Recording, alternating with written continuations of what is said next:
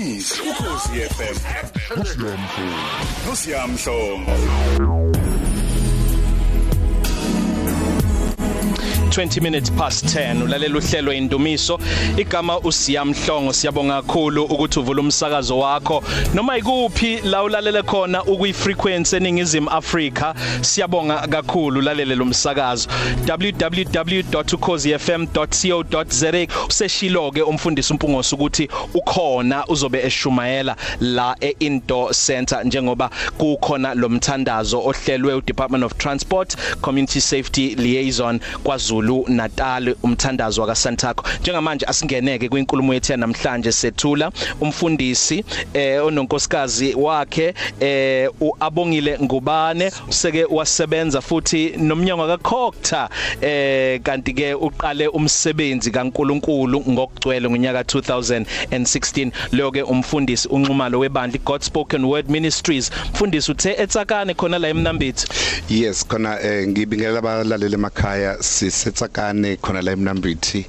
Eh yes. Yebo baba. Asibonge kakhulu. Ngiyangithanda ukuthi uma siphumile siyosakaza kwezinye indawo ikakhulukazi ezingaphandle kwetheku la isakaza khona ukuthi isihambeli kube umfundisi wakhona kuleyo ndawo noma umuntu uthize singakwazi ukukhuluma okuzosiza umlaleli wakuyo leyo ndawo. siyambonga uNkulunkulu ukuthi sibe nawe namhlanje baba. isihloko sethu namhlanje sibalulekile mfundisi njengoba eningizimu Afrika nje okokuqala uyabona izinto esizizwa kwi social media udlame ukuxabana hayi kuphela kubantu abadala kodwa ngisho naseyinganeni zizodwa zizophinde futhi zibe nezingxabano nothisha bazo. Ukuvukelana nje kwabantu ukungakwazi ukuyikhuza ukungakwazi ukuyithiba. Mhlambe singasinikeza isihloko esithini sandlalela inkulumo yethu namhlanje eh ngingasinikeza mhlawumbe isihloko esithi eh utabelana namhlanje sithi eh self control versus mm. eh self confidence ah yes yeah. uh, indaba yokuyithiba nendaba yokuyilawula yebo okuvela ngaphakathi kumuntu mm. yes uh, ungathi kubaleke ngani ukuba nalezo zinto ukuze umuntu aphumelele noma aphile impilo enokuthula engeke izimenze axabane nabantu noma ngaphilisani kahle nabantu. Eh ngiye ngithi mfaka makedama into engivamise ukuyibona yenzeka eh uyabona nje uma umuntu engenayo i self control ne self yes self control eh yes self control kanjalo nelekhuzana into evamise ukwenzeka uyawubona umuntu ukuthola useboshiwe. Self confidence self confidence yes uyawumbona eseboshiwe eh uboshelweni umuntu na? Uboshelwe ukuthi ulahlekelwe iself control hayi ngoba amaphoyisa emzonda ukuthi useyingozi kuye useyingozi eh nasemphakathini. Bese beyamthatha ke bewumvalela ngenxa ukuthi use akasalawuleki. Yes. Siyasibona futhi lesi sithelo eyithelweni ezitholakala kumaGalatia 5 verse 22 Apostle Paul akhuluma ngazo njengezithelo zikamoya. Sifakwe sabe sokugcina sona. sona yes ehe. Ukuzithiba komuntu eh ukuyithiba kumuntu ngiye ngithi ke mangichaza lento ngithi ukuyithiba ohlangothini lwe lwesikhathi ukuyithiba olimini ngoba abanye abantu banenkinga yokuphahluka. Eh uthola ukuthi umuntu usexolisile njalo uxolisa njalo yena njalo uyaxolisa. Ngenxa ukuthi usekhuluma okungafanele ngabe uyakusho. Aphahluke. Aphahluke. Eh okunye kuye kuthiwe ke thina abantu abamnyama eh empeleni uNkulunkulu abelungu wabapha amawashi thina wasipha isikhathi thina sinesikhathi esiningi thina. Eh abantu abamnyama abelungu banamawashi. So into eyenzakalayo ke ile eh uthola ukuthi mase kunomcimbi uzwa abantu beloku bethi hayi ngenxa yesikhathi ngenxa yesikhathi ngenxa yesikhathi. Uyabona ukuthi kulahleke lapha na ekuthenini kube ne self control ukuthi abantu bakwazi ukuzilawula azi ukuthi asingeni ngabo 10 singena ngo 10 yes. Ungathini la maqondana nokuyimbandakanya kwakho nezinto? Ukuzithiba kwakho nokuyimbandakanya kwakho nezinto sisazongena njengoba uthinte isikhathi wa- wa- wakhuluma nangolimi sisazongena Yes. Kodwa uthini nokuyimbandakanya mhlambe nophuzo lithilo lidakayo noma ama drugs. Ukuz ukuzithiba kwakho nokuthi ungazithola ususendaweni la okungenzeka khona usuwenza izinto ozozisola ngazo. Yebo iyona inkinga enkulu esibhekana nayo leyo. Eh uthola ukuthi umuntu eh uyabona nje ngiye ngithi uma ngabe ungasakwazi ukujabula ungaphuzanga kusho ukuthi usuqala ukuba nenkinga wena kahle kahle. ngoba umuntu eh, kufanele akwazi ukujabula e- e- e- e- simo noma engekho kuleso simo. Uma usuqala wena ukuthi usudinga into i-substance thizeni ezokwenza kuthiwa uzoyidla kuqala ngaphambi ujabule kusho ukuthi usunenkinga. Okwesibili i- i- i- siyibone kakhulu lento ihlukumeza umphakathi eh indaba yabantu aba abadla lezi zinto eh agcine ngenxa yokulahlekelwa i-self control agcine manje esengena emzini yabantu eqhekeza eh i- i- yikho lokho ukuthi akasalawuleki. Kasalawuleki nalento usebusukile nesiteringini sempilo yakhe. Sekudriver iwunga kudriver ama trucks kudriver utshwala. Eh neingozi eh njengoba nomfundisi ophambi kwami kade ekhuluma ngakho lokhu ukuthi neingozi ezinye zazo zikhandwa yiyo le problem. Yokuthi abantu sebe sekunento esimlawula. Usephunyukelwe akasekho steringini sempilo yakhe useyipassenger Yebo. usezwa ngayo ukuthi ithi yana kuphi shona kuphi? Ngiyakhumbula inkosi uHerod yakhumbula ngesikhathi idanselwa kwakudansa indodakazi kabani? Kwakudansa indodakazi yayo. Yes. yajabula yaze yeqa inkosi. Yes. yathi isho noma ngabe noma Yini yini oyifunayo. ngizokwenzela yona. Nayi siyobuza kumawayo Herodiya Yes, yes. wathola ithuba ke wathi ngifuna ikhanda lika lika Johana Johana umpapathizi nangempela ke inkosi ngenxa yokuthi izwi lenkosi i- inkosi into ebalekile ngayo izwi layo Yes. kwaphoqeleka. Isifundo leso nawe ukuthi gada izinto ozenza kuze kweqe kwesinye isikhathi nokujabula ungajabula uthola ukuthi akuyona into embi kodwa ujabule uze weqe emakhaya kunalento yokuthi oh gada makushoniwe ukuthi wenza into ungayenzi kakhulu uzodlula yebo. Uyazi uselapho eh, makedam kukhona isifundo la es- esibalekile ngendaba yakhe u- u- u- uJohana Mbapatizi ukuthi naye uza a- a- a- a- asuswe ikhanda nje. Ngenxa yokuthi umsebenzi wakhe kwakukuzo introduce uJesu. Wase eyaphuma. Uthe mase introduceile wase yaphuma kulokhu uNkulunkulu ayimbizele khona waqala manje waprofeta yikho lokho kwamenza ukuthi ayithuke sekulenkinga akuyo. Yokuthi a- a- a- a- enze izinto wasa ayengasabizela ukuba azenze. Yikho lokho njalo sikhuluma ngakho ukulahlekelwa i-self control awusa awusa usuyahluleka ukuyithiba ukugcina kulokhu kwakho ugcina kulokhu kwakho obizelwe khona. Yes. Ahhe. kusiyamhlongo ngizosakaza ngizophatha uhlelo. Kodwa imina lapha ya futhi sengifuna ukuseva. Uzofuna ukwenza yonke manje izinto. Ngitshela ukuthi ke mangiphakela abantu ngenza okuhle. Yebo. kanti sengizoze ngixambukele kube khona usuba engibachiphizayo siyabanyathela manje yes. Lenkulumo isho ukuthini kubantu emphakathini lesikhuluma ngayo ikakhulukazi esikhathini esikusona? Nesizini esikuyona njengoba sibheke kwi festive season mfundisi yokuthi gada ungajabuli kuze weqe? Yes u- u- kuyi- kuyinkinga kakhulu ukuthi umuntu a- a- a- a- ingqondo izi isuke kuye alahlekelwe ingqondo ngenxa yokuthi uthi ujabule. Uyabona ngiye ngithi usathane akekho umuntu onamanga njengosathane. Uyayethi usathane kujatshulwe umangale eh usuzwa sekukhalwa umangale uzwe sekuningi sekuthiwa khona bangasekho. Kunomcimbi Kodwa- ekhaya. kunomcimbi ekhaya. Kodwa kuqale kwathiwa sizojabula. Sekukhalwa kanjani pho manje? Yini indaba na? Iyo le ndaba usathane uyazi kahle ukuthi eh abantu abalahlekelwe iself control yes. Hmm. abantu bathuke kade kuuhlelo likaNkuluNkulu kodwa ngokweqisa. Ngokweqisa bagcine sebephuma manje sporweni ake singene kule yophuzo nama drugs into ehlasele kakhulu emphakathini yakithi angazi nala emnambethi singakhuluma sithini kwabadala naseyinganeni uma sikhuluma ngale self control omunye wemfundisi mhlambe angesakwazi ukuthi ungakwenzi. Mm. Mm. sesizothi ke eh zikalele sazi isilinganiso sakho ngoba uma uzokweqa kuso uzowelele weni uyabona nje uselapho eh kukhona en- en- engiyike ngithi mangiyibeka mangichaza ngithi uma uwumuntu eh kuyafuneka ukuthi one uzazi ukuthi ufunani eh uzazi futhi ukuthi ubani ngoba uma lezo zinto zikulahlekele uma uwumuntu ungasazazi ukuthi ubani kulula ukuthi ugcine usungena kulezi zinto futhi kugcina kungasaphumeki ngenxa yokuthi wena usu- usu- usulahlekelwe uqobo lwakho.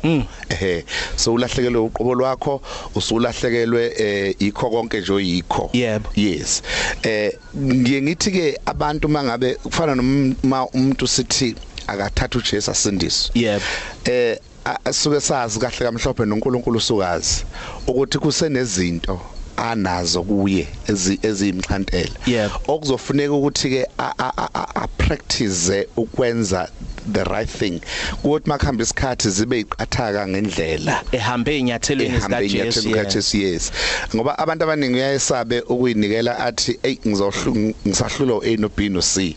Ngiye ngithi ke mina njengoba sibona nama ambulance la ngaphandle ukuthi awukazuzwe selokhu kwathi inhlo umuntu ashayiswe imoto bese kuthiwa hayi awumeke wena kufanele uqala usinde kuqala before sibize ambulance umuntu uyaye asinde kuqala i'm sorry uyathathwa ebleeder enjalo ayiswe esibhedlela ayokwelashwa.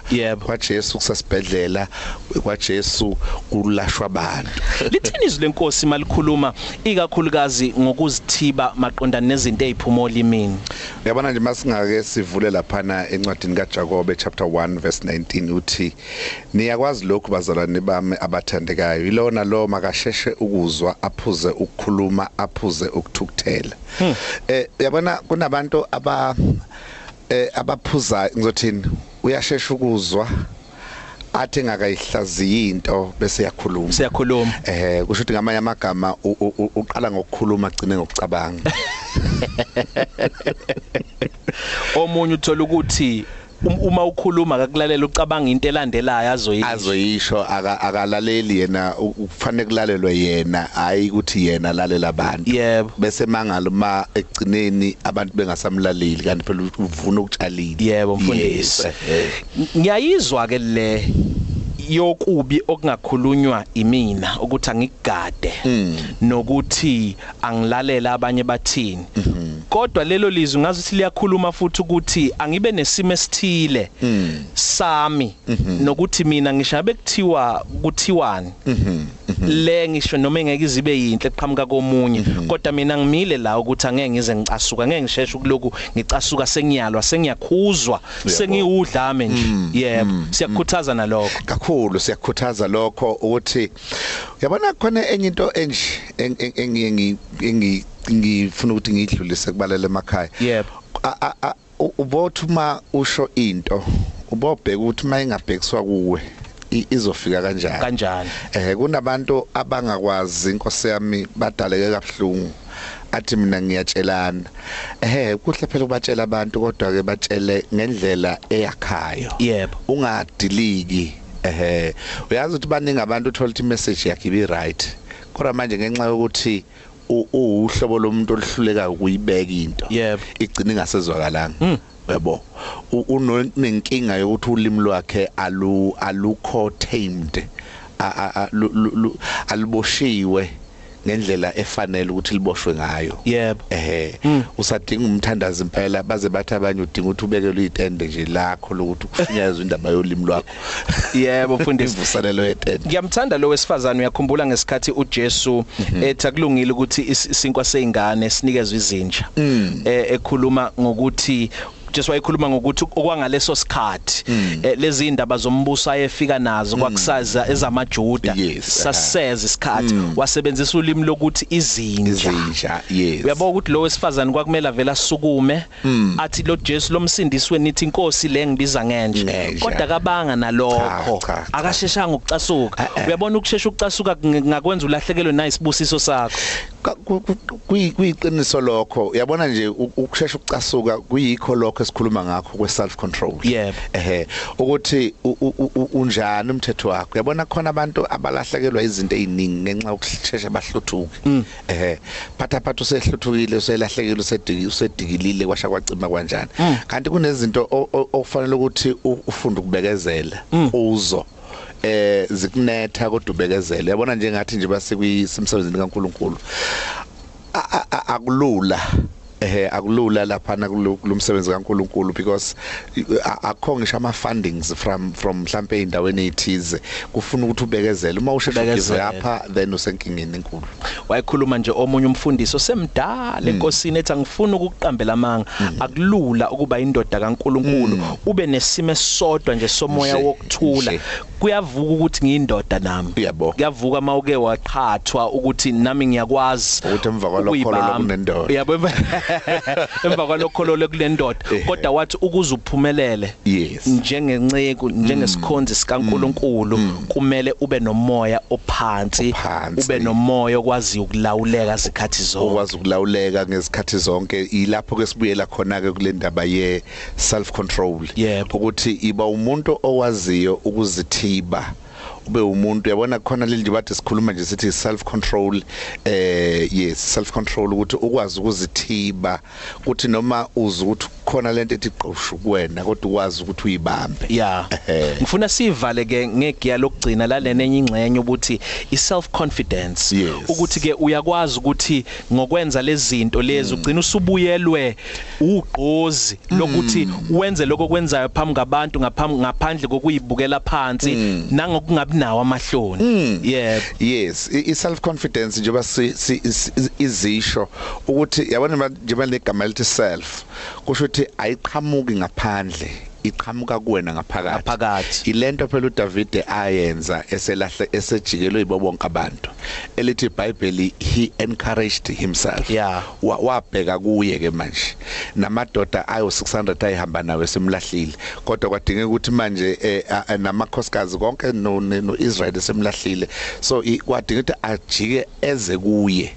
Azozi encourage yena Yeah. ehe ileso simo ke ileso sikhathi la suke sekunzima khona kakhulu empilweni eh usulahljikelwe wonke umuntu sekufanele ubheke kuwe ke manje Yeah. U- uzo uzovuna uzo uzoya lapha nekujulweni kwakho uqobeni lakho uzolanda khona amandla yes Ehhe. fundisa sivale sibonge Ngiyabonga kakhulu ngaleli kakhulu. thuba Yes. ngiyakholwa ukuthi ukhona ocaphunile Kunjalo. eh, in- inkulumo yethu ikhulume nje yakhuluma nathi njengabantu ngiyayithanda ngoba sibheke kule season amazwi akho kuzo zonke lezi zinto esesikhulumile emphakathini njengoba sibheke kwi festive season Yes. ukuthi ake sizenze lezi zinto asike sifunde Funde, yes. singazisoli uyabona uma ungase uye eh, lapha ku emergency esibhedlela Eish. makuyimpela sonto Yes.